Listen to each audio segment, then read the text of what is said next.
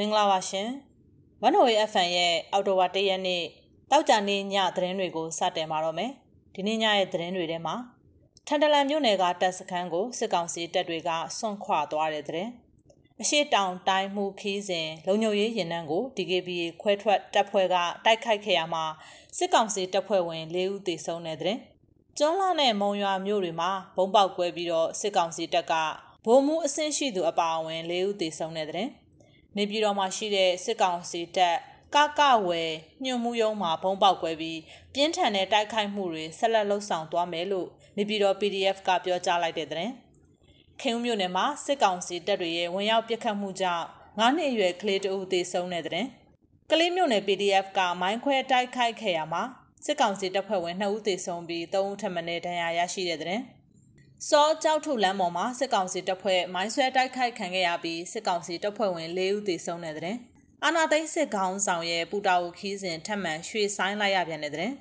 တရုတ်နဲ့မိဖက်ဖြစ်ဖို့အစင်းသင်းရှိနေကြောင်းတရုတ်ပြည်သူသမ္မတနိုင်ငံမြို့သားနေ့ကိုအန်ယူဂျီကပေးပို့တဲ့ဂုံပြူတဝင်လွှာမှာရေးသားထားတဲ့တဲ့အောင်လန်လွင့်ချီຫນွေဦးထီကန်ထူးသူ85ဦးမှာ62ဦးကစုချင်းငွေတွေကို UNG ကိုပြန်လည်လှူဒန်းတဲ့တဲ့စတဲ့တဲ့တွေအပြင် ရာဇဝဲကောင်မင်းအောင်လှိုင်ရဲ့သမီးတော်နဲ့မိုင်တဲအကြားလှုပ်ဝက်အပေးယူများဆိုတဲ့ဆောင်းပါးနဲ့နိုင်ငံတကာသတင်းတွေကိုနားဆင်ရမှာပါ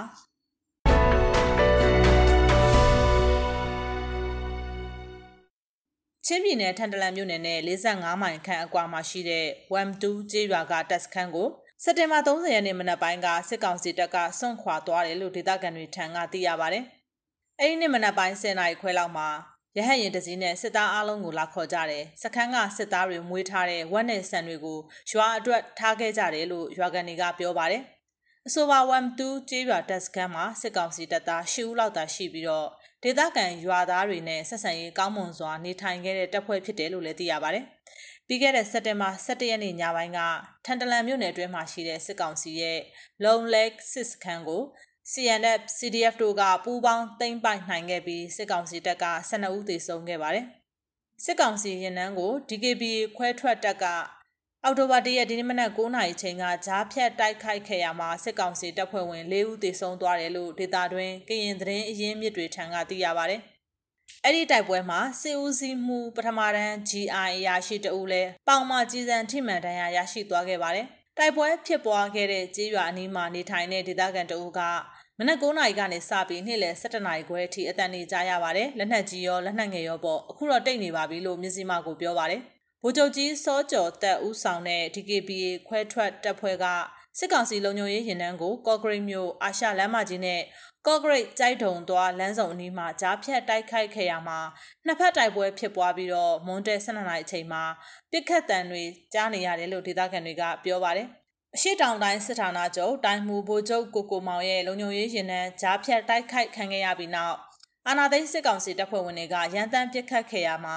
ရွာတစ်ကျေးရွာပါဝင်အနီးနားကျေးရွာတွေမှာရှိတဲ့နေအိမ်တွေကြီးစံထိမှန်ပျက်စီးခဲ့တယ်လို့ဒေသခံတွေကပြောပါတယ်။လက်ရှိမှာအာနာသိန်းစစ်ကောင်စီတပ်သားတွေဟာအာရှလမ်းမကြီးတလျှောက်လုံခြုံရေးရယူထားပြီးတော့တပ်အင်အားထပ်မံတိုးမြင့်တာတွေလှုပ်ဆောင်နေတယ်လို့ကရင်သတင်းရင်းမြစ်တွေကပြောပါတယ်။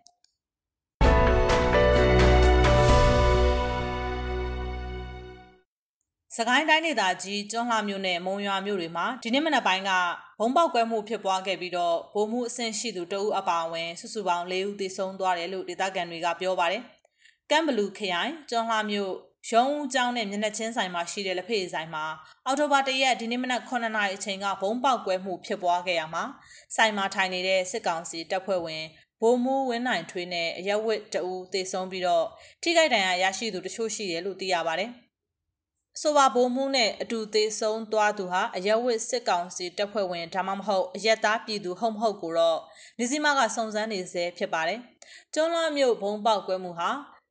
ဘယ်ဖွဲ့ရဲ့လက်ချက်ဖြစ်တယ်ဆိုတာကိုထုတ်ပြန်ကြေညာထားတာမရှိသေးပါဘူး။အဲ့ဒီပောက်ကွဲမှုမှာပြည်သူတချို့လည်းထိခိုက်ဒဏ်ရာရရှိခဲ့ပြီးတော့ကျွန်းလာစေုံကိုပို့ဆောင်ထားရတယ်လို့သိရပါတယ်။ပြည်သူတွေအနေနဲ့စစ်ကောင်စီတပ်ဖွဲ့ဝင်တွေနဲ့အတူရှင်တွဲသွားလာခြင်းမပြုဖို့လိုအပ်ကြောင်းဒေသခံတအူးကပြောပါတယ်။ အဲ့ဒါအပြင်ဒီနေ့မနက်၈နာရီချိန်ကမုံရွာမြို့မြို့ဘက်လမ်းဇလုတ်အဝိုင်းနီးမှာလည်းဘုံပေါက်ကွဲမှုတစ်ကြိမ်ဖြစ်ပွားခဲ့ပြီးတော့စစ်ကောင်စီတပ်ဖွဲ့ဝင်2ဦးသေဆုံးသွားတယ်လို့သိရပါတယ်။ဆိုပါဖောက်ခွဲမှုကိုတော့မုံရွာ UG Group နဲ့မုံရွာ The Voice အဖွဲ့ကပူးပေါင်းလှုပ်ဆောင်ခဲ့တာဖြစ်တယ်လို့အဆိုပါအဖွဲ့တွေကသူတို့ရဲ့လူမှုကွန်ရက်စာမျက်နှာမှာအသိပေးထုတ်ပြန်ထားပါတယ်။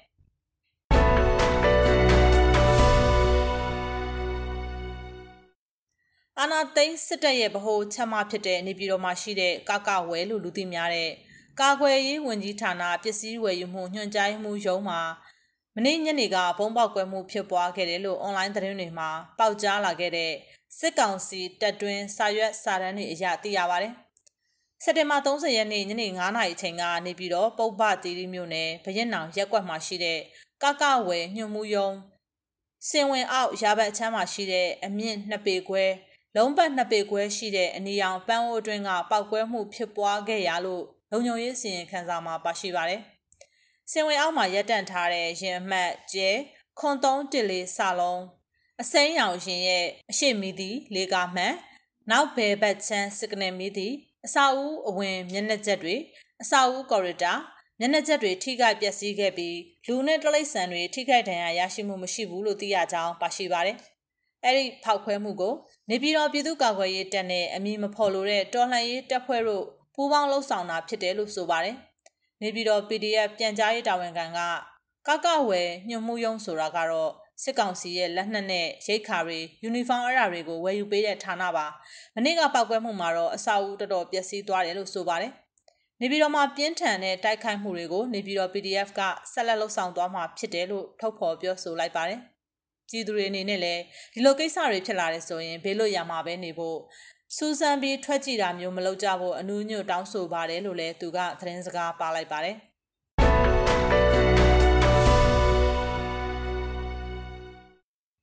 ခင်ဦးမြို့နယ်ပြင်တောင်ရွာကိုစစ်ကောင်စီတပ်တွေကအော်တိုဘာတရက်နေ့ဒီနေ့မနက်9:00နာရီအချိန်ကဝင်ရောက်ပြီးပြစ်ခတ်ဖမ်းဆီးမှုတွေလုပ်ခဲ့ရမှာ9နှစ်အရွယ်ကလေးတဦးကြီးထိမှန်သေဆုံးပြီးတော့ထိခိုက်ဒဏ်ရာရရှိသူတွေရှိခဲ့တယ်လို့ဒေသခံတွေထံကသိရပါဗျ။ဒီနေ့နေ့လယ်ပိုင်းချိန်ထိဖမ်းဆီးခံထားရသူအများအပြားရှိနေပြီးတော့ဒေသခံတွေဟာဘေးလွတ်ရာကိုထွက်ပြေးတိမ်းရှောင်နေကြရပါတယ်။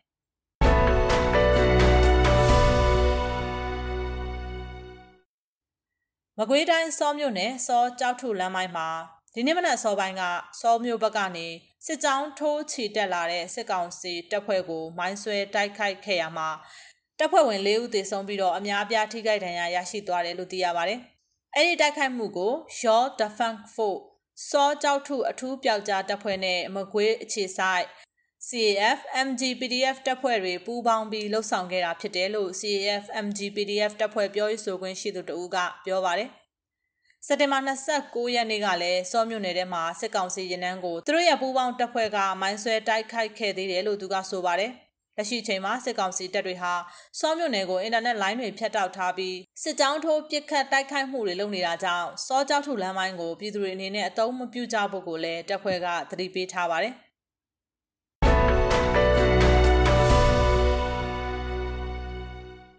ကလေးမျိုးဘက်ကနေတမူးဘက်ကိုဥတီမောင်းနှင်လာတဲ့စစ်ကားငယ်၃စီးပါအကြမ်းဖက်စစ်ကောင်စီရင်နှန်းကို56မိုင်ရွာနဲ့ကန်လှရွာကြားမြလေးတောင်နီးမှာကလေးမျိုး PDF ကမိုင်းခွဲတိုက်ခိုက်ခဲ့ရမှာစစ်ကောင်စီတပ်ဖွဲ့ဝင်2ဦးသေဆုံးပြီးတော့3ဦးထပ်မံဒဏ်ရာရရှိခဲ့တယ်လို့သိရပါတယ်။စက်တင်ဘာ30ရက်နေ့မနက်7:00နာရီခွဲဝန်းကျင်ကမိုင်းခွဲတိုက်ခိုက်ခဲ့တာဖြစ်ပြီးကလေး PDF က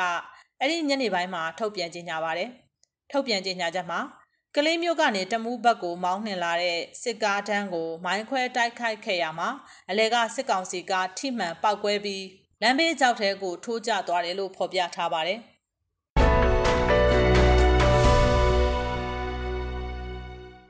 ကချင်ပြည်နယ်အတွင်းအာနာသိန်းစစ်ကောင်စီတပ်နဲ့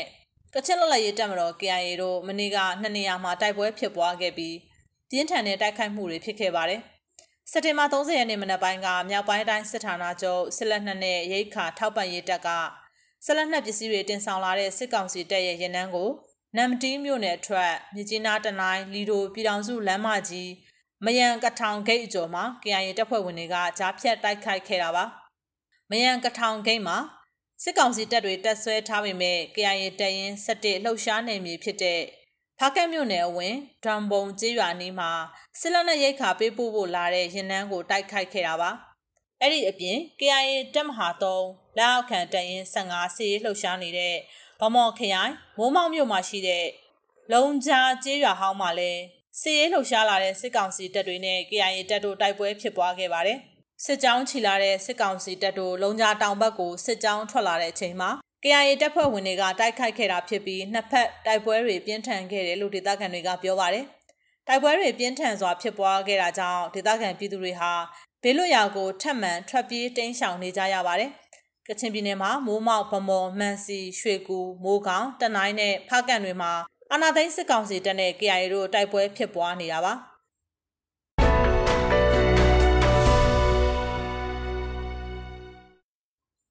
စကိုင်းတိုင်းဒေသကြီးရွှေဘိုခရိုင်ဝက်လက်မြို့နယ်မှာစက်တင်ဘာလအတွင်းစေအုပ်စုပိုင်းမိုင်းတဲတာဝါတိုင်း၈ခုကိုဖျက်ဆီးပြီးပြူစောတိဖွဲ့ဝင်စစ်ကောင်စီသတင်းပေးနှစ်ဦးကိုရှင်းလင်းနိုင်ခဲ့တယ်လို့ဝက်လက်အခြေပြုလှုပ်ရှားနေတဲ့ဖောင်းတိုင်းဖောင်းတိုင်းအဖွဲ့ထံကနေသိရပါတယ်။အဆိုပါအဖွဲ့ဟာစက်တင်ဘာလကနေအောက်တိုဘာလ၁ရက်နေ့ထိမိုင်းတဲတာဝါတိုင်း၈ခုကိုဖျက်ဆီးနိုင်ခဲ့တာပါ။ဝက်လက်မြို့နယ်ရှိမကားလန်းစုံနီးမှာရှိတဲ့မိုင်းတဲဆက်သွယ်ရေးတာဝါတိုင်းကိုအော်တိုဘာတရက်နေ့ဒီနေ့မနက်2နာရီခွဲအချိန်က ဘုံဖောက်ခွဲမိရှို့ဖျက်ဆီးလိုက်ပါတယ်။လာရောက်ပြုပြင်ပေးတဲ့ဘယ်ဝန်နှန်းကိုမဆိုတက်ညာသွားမှာမဟုတ်ဘူးလို့ဖောင်းတိုင်းဖောင်းတိုင်းဖွဲ့ကဆိုပါတယ်။ဝက်လက်မြို့နယ်မင်းကုန်းကြီးရွာပြူစောတိဖွဲ့ဝင်ဦးဖိုးခိုင်ဟာစက်တင်ဘာ17ရက်နေ့ကအသက်ခံခဲ့ရပြီးဘင်တဲကုန်းရွာကဒလန်အောင်ကျော်စန်းဟာစက်တင်ဘာ26ရက်နေ့ကအသက်ခံခဲ့ရတာပါ။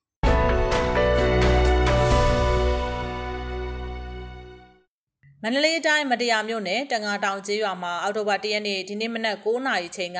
စစ်ကောင်စီသတင်းပေးလို့ဆိုတဲ့ဦးဆန်လာဟာတနက်နဲ့ပြစ်တက်ခံခဲ့ရတယ်လို့ဒေသခံတွေထံကသိရပါဗျ။လက်ဖေးဆိုင်ထိုင်နေချိန်မှာစိုက်ကယ်တစ်စီးနဲ့လူနှစ်ဦးကတနက်နဲ့ပြစ်ခတ်ခဲ့ရမှာဦးကောင်းနောက်စစ်ကိုဖောက်ဝင်ဒဏ်ရာတစ်ချက်ဘဲဘက်လက်ပြင်ကိုဖောက်ထွက်ဒဏ်ရာတစ်ချက်နဲ့အဲ့ဒီနေရာမှာပဲတိတ်ဆုံးခဲ့တာဖြစ်တယ်လို့ဒေသခံတွေကပြောပါတ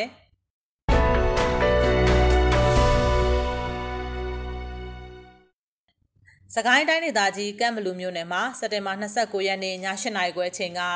စစ်ကောင်စီခန့်တင်တော်အုပ်ချုပ်ရေးမှူးဦးကျော်ခင်ကိုကမ်ဘလူ PDF ကတနက်နဲ့ပြစ်တက်ခဲ့ရမှာပွဲချင်းပြီးတည်ဆုံသွားတယ်လို့ကမ်ဘလူ PDF ထံကသိရပါတယ်။အဆိုပါတင်တော်ရွာနဲ့10မိုင်အကွာမှာရှိတဲ့ချက်သင်းတိုက်နယ်မှာစစ်ကောင်စီတပ်ကအင်အားလုံးရင်းနဲ့တက်ဆွဲထားတာတပတ်လောက်ရှိပြီဖြစ်တယ်လို့ဒေသခံတွေကပြောပါတယ်။စက်တင်ဘာ30ရက်နေ့မနက်6:00နာရီခွဲက ကမ်ဘလူခရိုင်စစ်ကောင်စီအဖွဲ့ဝင် ပြူစောတိခေါင်းဆောင်ဦးမောင်ဆန်းရဲ့ခြံတကားကို မိုင်းထောင်ပြီးတော့ချိန်ကိုက်ဖောက်ခွဲတိုက်ခိုက်ခဲ့တာဖြစ်တယ်လို့ကမ်ဘလူ PDF ထံကနေသိရပါဗျ။ဦးမောင်ဆန်းဟာပြူစောတိတင်နန်းပေးနေပြီးတော့ပြူစောတိတွေအတွက်နေရာချထားရေးနဲ့ရိတ်ခါထောက်ပံ့ရေးစီစဉ်ပေးနေတာဖြစ်တယ်လို့သိရပါဗျ။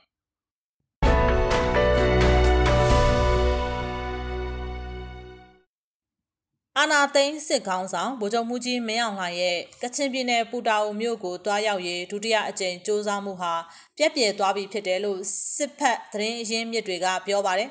။အာနာသိန်းစစ်ကောင်းဆောင်ဟာစက်တင်ဘာလအတွင်းကမြကြီးနားမြို့ကိုတွားရောက်ခိုင်မှာပူတာအိုကိုပါတွားရောက်ဖို့စီစဉ်ထားခဲ့ပေမဲ့လုံခြုံရေးစိတ်မချရတာကြောင့်ခီးစဉ်ပြက်ပြယ်ခဲ့ပြီးအော်တိုဘာလဆန်းပိုင်းမှာတွားရောက်ဖို့စီစဉ်ခဲ့ပြန်တာဖြစ်ပါတယ်။ ဒါပေမဲ့ပူတာအိုပြည်သူ့ကာကွယ်ရေးတပ်ဖွဲ့ကအာဏာရှင်ဖြုတ်ချရေးအစဉ်သင့်ဖြစ်နေကြောင်းကြေညာထားပြီးနောက်မှာ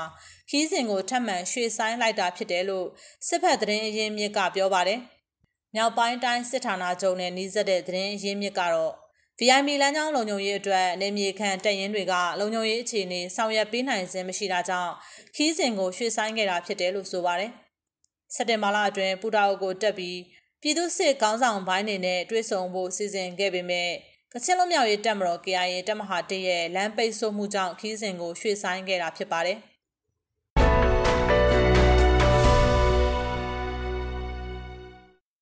မြို့သားညီညွတ်ရေးအစိုးရ UNG ရဲ့အောင်လန်လွှင့်ချီຫນွေဦးထီရောင်းရငွေရဲ့30ရာခိုင်နှုန်းပေါ်ကန်ထူးရှင်ရွေးချယ်ခဲ့ရမှာကန်ထူးသူ85ဦးမှာ62ဦးကစုချင်းငွေတွေကိုပြန်လည်လှူဒန်းခဲ့တယ်လို့သိရပါတယ်။ ဒီနေ့အောက်တိုဘာ၁ရက်နေ့မှာအောင်လန်လွှင့်ချီຫນွေဦးထီပေါက်စင်ကို ထုတ်ပြန်ခဲ့ပြီးစီမံကိန်းဗန်နာရေးနဲ့ရင်းနှီးမြှုပ်နှံမှုပြည်ထောင်စုဝန်ကြီးဦးတင်ထွန်းနိုင်ကကွန်ပျူတာနဲ့ကြာပန်းရွေးချယ်တာနဲ့ကန်တူးရှင်နံပါတ်တွေကိုရွေးချယ်ခဲ့ရမှာကန်တူးသူ85ဦးထွက်ပေါ်လာခဲ့တာပါထီစုတစုကို15သိန်းအညီအမျှသတ်မှတ်ထားပြီးတော့62ဦးကပြန်လှူတဲ့အလှူငွေဟာသိန်း930ကျပ်ဖြစ်ပါတယ်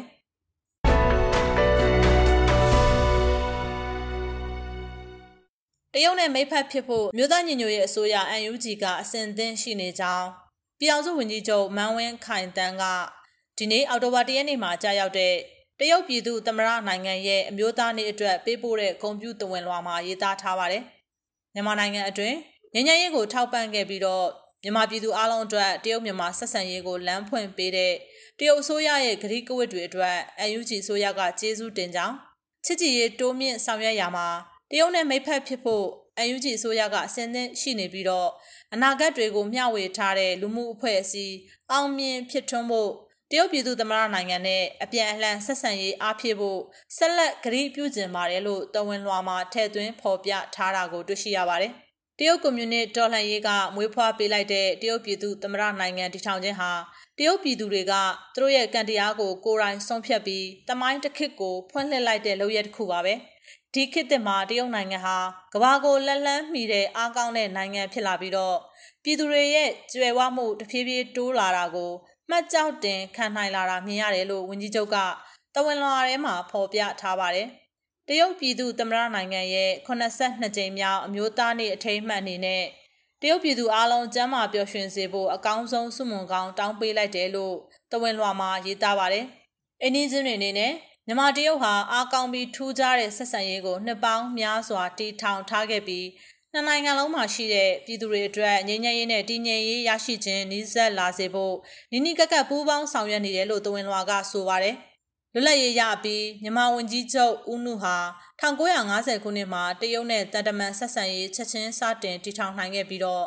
နိုင်ငံချင်းချစ်ကြည်ရေးအုပ်မြစ်ကိုတည်ဆောက်ဖို့တရုတ်ခေါင်းဆောင်မော်စီတုံးရဲ့ဖိတ်ခေါ်ချက်အရတ ရုတ်နိုင်ငံတလွှားကိုခီးဆန်းခဲ့ပါတယ်။မြန်မာအစိုးရရဲ့နိုင်ငံတော်တိုင်ပင်ခံဒေါအောင်ဆန်းစုကြည်ဟာလည်း2015ခုနှစ်မှာတရုတ်နိုင်ငံကိုတွားရောက်လဲပတ်ခဲ့ပြီးတရုတ်သမ္မတရှီကျင်းဖင်နဲ့မျက်နှာချင်းဆိုင်ဆွေးနွေးခဲ့တယ်လို့ဝန်ကြီးချုပ်ကပြောဆိုထားပါတယ်။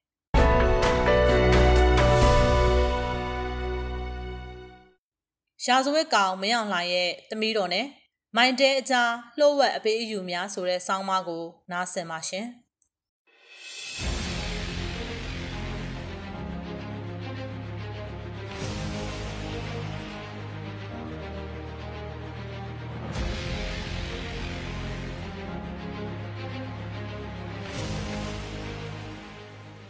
မြန်မာနံပါတ်1နိုင်ငံတကာရာဇဝတ်ကောင်ရဲ့သမီးခင်တီရီတက်မော်ဟာ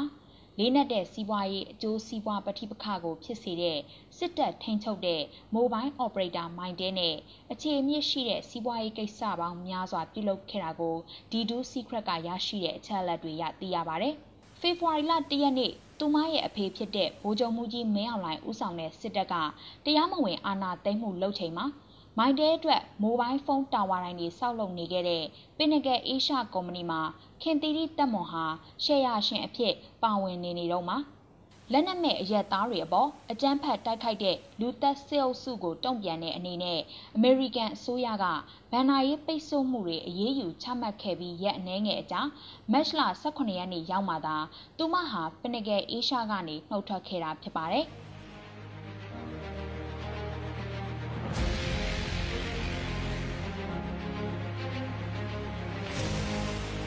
တပ်ရဲ့လက်ဝေခံဖြစ်တဲ့ပြည်ထောင်စုကြံ့ခိုင်ရေးနဲ့ဖွံ့ဖြိုးရေးပါတီ USDP ဦးဆောင်တဲ့အစိုးရလက်ထက်မှာမိုင်တဲကိုတည်ထောင်ခဲ့ပါတယ်။မိုင်တဲရဲ့28ရာခိုင်နှုန်းသောအစိုးရရဲ့အစုရှယ်ယာကို Star High ကိုခွဲဝေပေးထားပါတယ်။ Star High ကိုမင်းအောင်လှိုင်ဦးဆောင်ထိန်းချုပ်ထားတဲ့မြမစီးပွားရေးကော်ပိုရေးရှင်း MEC ကတည်ထောင်ခဲ့ပါတယ်။ Star High ရဲ့တာဝန်ကမိုင်တဲမှာစစ်တပ်ရဲ့အစုရှယ်ယာကိုထိန်းချုပ်ကင်တွယ်နိုင်ဖို့အတွက်ဖြစ်ပုံရပါတယ်။ မင်းအောင်လှိုင်ဟာမိုက်တဲကိုတီထောင်တဲ့နေရာမှာအဓိကအခန်းကဏ္ဍမှာပုံကိုရေးအရာပါဝင်ခဲ့ပြီး BNN စစ်တပ်နဲ့စိစက်ညှိနှိုင်းမှုကြိမ်ဖန်ပေါင်းများစွာပြုလုပ်ခဲ့ကမိုက်တဲကိုစတင်ဖွင့်လှစ်တုန်းကလည်းဦးစီးကျင်းပပေးခဲ့ပါတယ်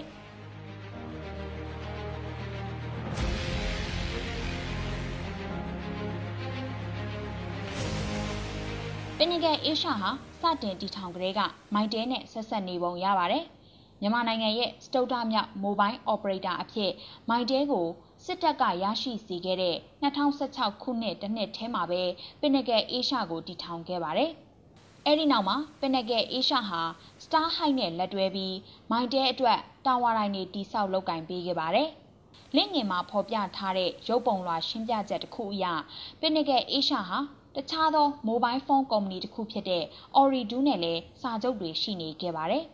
ပင်နဂက်အေရှာရဲ့စီမံခန့်ခွဲမှုဒါရိုက်တာဟာဩစတြေးလျနိုင်ငံသားစာအုပ်စွမ်းဆိုင်ဖြစ်ပြီးဒေါ်မြမြင့်စုကတတိယမြောက်ဒါရိုက်တာတဦးဖြစ်ပါတယ်။စာအုပ်စွမ်းဆိုင်နဲ့ဒေါ်မြမြင့်စုနှစ်ဦးစလုံးဟာစင်ကာပူနိုင်ငံမှာမှတ်ပုံတင်ထားတဲ့ Pinnacle မြန်မာရဲ့ဒါရိုက်တာတွေလည်းဖြစ်ပါတယ်။သူတို့ရဲ့စင်ကာပူလုပ်ငန်းနဲ့ပတ်သက်လို့အနှဲငယ်ပဲသိပေမဲ့လူသိရှင်ကြားစည်ရင်းဖွင့်ထားတဲ့ Singaporean မြန်မာ Invesco နဲ့မြန်မာနိုင်ငံမှာ Johnstone Grossia ကိုဖွင့်လှစ်ဖို့ရှိခဲ့တဲ့ဆိုတဲ့အဆက်ဆက်ကိုသာသိရှိခဲ့ရပြီးအဲ့ဒီသဘောတူညီချက်ကလည်း2018မှာပြည့်ပြည့်ခဲ့ပါတယ်။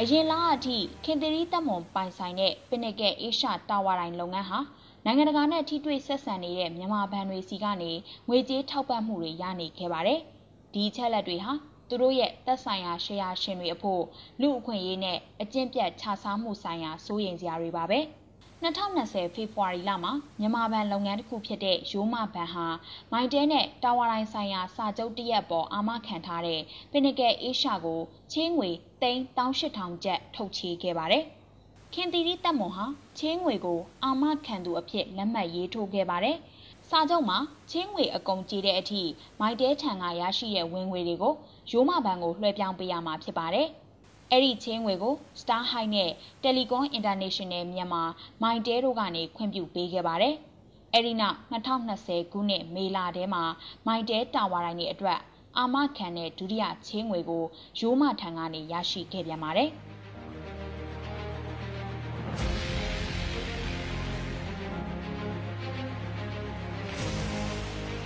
ရိုးမဘန်ဟာမင်းအောင်လှိုင်ရဲ့မိသားစုနဲ့စီးပွားရေးလုပ်ကင်နေပြီးမိုင်တဲအတွက်တာဝါတိုင်းတွေတိစောက်ဖို့ငွေကြေးထောက်ပံ့နေပေမဲ့နော်ဝေးနိုင်ငံက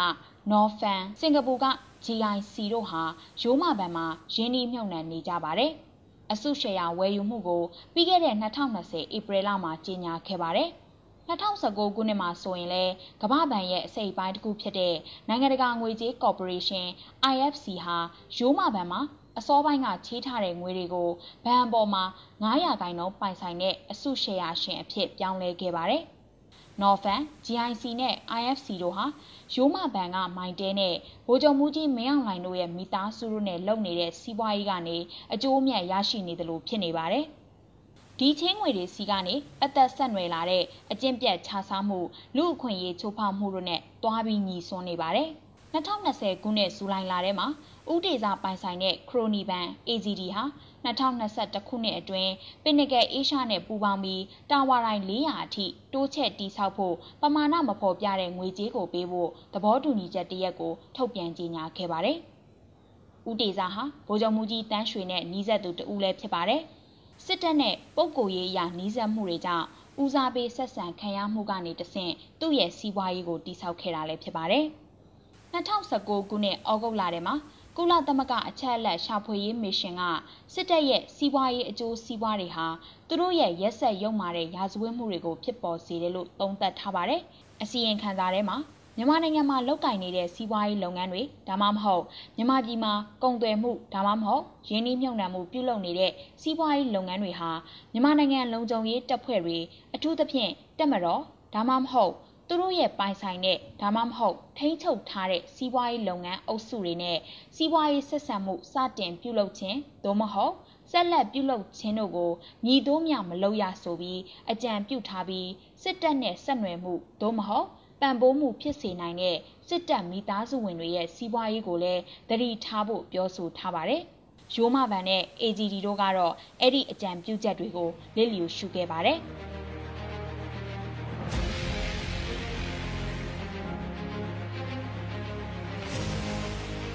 မိုင်တဲနဲ့ခင်တီရီတက်မွန်တို့ရဲ့စီးပွားရေးဆက်ဆက်မှုကိုကြည်ချင်းအပြင်မင်းအောင်လှိုင်တို့မိသားစုဟာနိုင်ငံပိုင်အရင်းအမြစ်တွေကိုလက်လန်းမှီရာကနေတဆင့်ဘယ်လိုဘယ်ပုံအကျိုးအမြတ်တွေရနေလဲဆိုတာကိုဖော်ပြနေပါတယ်။ Star High က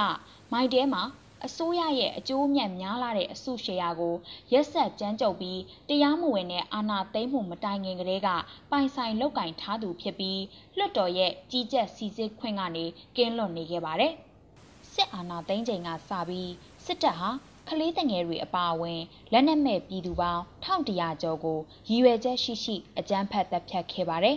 ။အသက်အငယ်ဆုံးအသက်ခံခဲ့ရသူဟာ9နှစ်အရွယ်မိန်းကလေးဖြစ်ပြီးသူမပြစ်တက်မခံရမီသူမရဲ့ဖခင်နဲ့အကိုဟာအိမ်ထဲကိုအကြမ်းဖက်ချိုးဖျက်စီးနှင်းဝင်ရောက်လာတဲ့ရဲတွေကရိုက်နှက်ခဲ့တာကြောင့်ကြောက်လန့်နေခဲ့ရတာပါ။တေးစေနိုင်လောက်တဲ့လက်နက်တွေကိုရည်ရွယ်ချက်ရှိရှိအသုံးပြုပြီးလူအစုလိုက်အပြုံလိုက် ခွဲခြားမှုမရှိတပ်ဖြတ်နေမှုတွေဟာလူသားဖြစ်တည်မှုအပေါ်ကျူးလွန်တဲ့ရာဇဝတ်မှုပဲဖြစ်ပါတယ်။ဒါအပြင်ကရင်နဲ့ကချင်ဒေသတွေမှာလေကြောင်းတိုက်ခိုက်မှုတွေကိုပြုလုပ်ခဲ့တာကလည်းတိုင်းရင်းသားလူမျိုးစုတွေအပေါ်ဆယ်စုနှစ်ပေါင်းများစွာကျူးလွန်ခဲ့တဲ့မြန်မာစစ်တပ်ရဲ့စစ်ရာဇဝတ်မှုနဲ့လူသားမျိုးနွယ်စုအပေါ်ကျူးလွန်တဲ့နိုင်ငံတကာရာဇဝတ်မှုတွေရဲ့တစ်စိတ်တစ်ပိုင်းပဲဖြစ်ပါတယ်။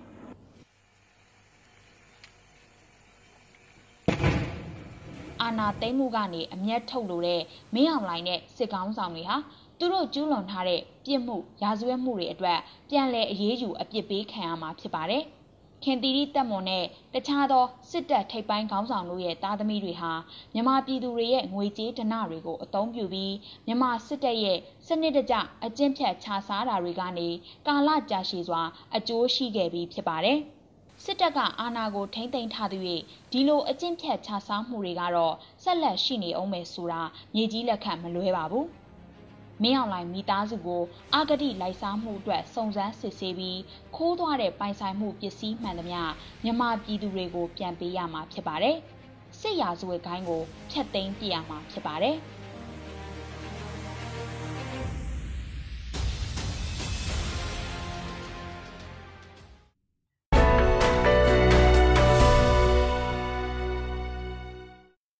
ဆက်လက်ပြီးတော့နိုင်ငံတကာသတင်းတွေကိုတင်ဆက်ပေးမှာပါ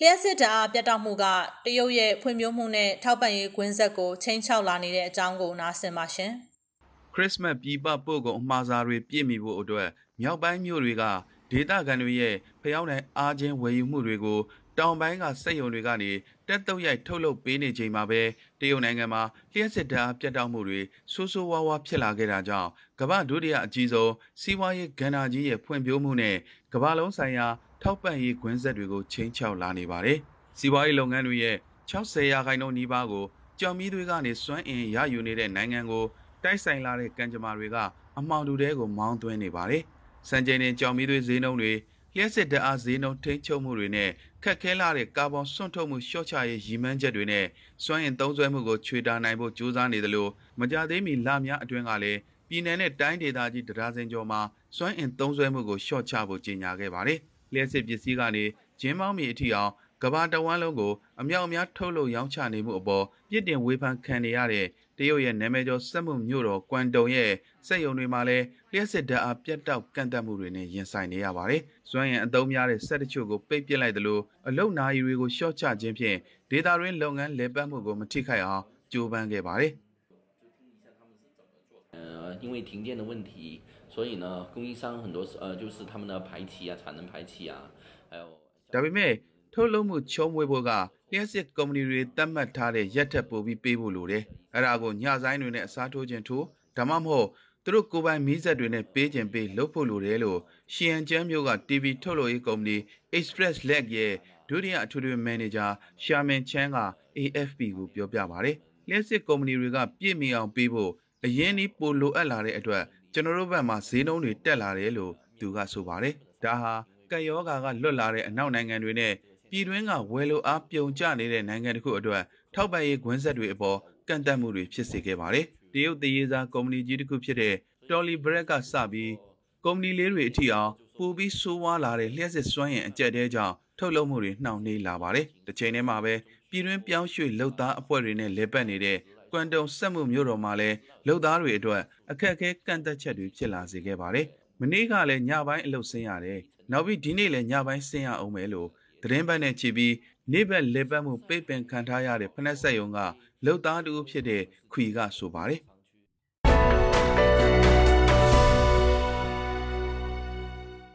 ဝန်နိုရဲ့ဖန်ရဲ့ဒီနေ့ညသတင်းတွေကတော့ဒီလောက်ပါပဲနားဆင်ကြကြသူတွေအားလုံးကျမ်းမာကြပါစေရှင်။